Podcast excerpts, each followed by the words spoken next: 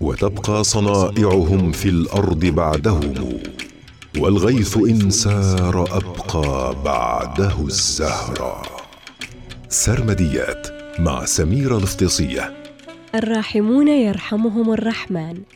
عبارة جليلة وغاية نبيلة وهدف سامن.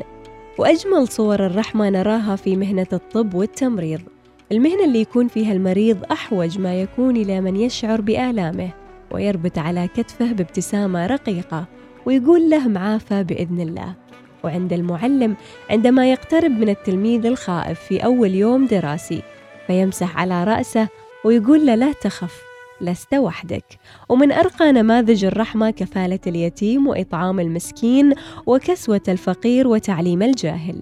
لكن للأسف عجلة الحياة المتسارعة جعلت البعض لا يدرك أهمية هذه السلوكيات المحببة.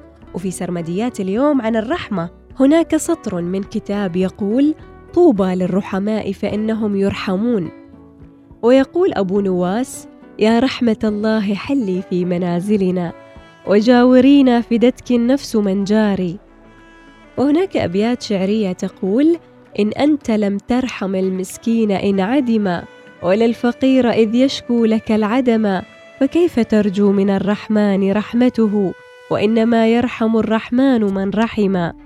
ويقول لامارتين الرحمة أجمل عطايا الإنسان. سرمديات مع سميرة الافتصية يوميا في الأوقات التالية. العاشرة وخمسة وعشرين دقيقة الخامسة وعشرين دقيقة الواحدة وأربعين دقيقة.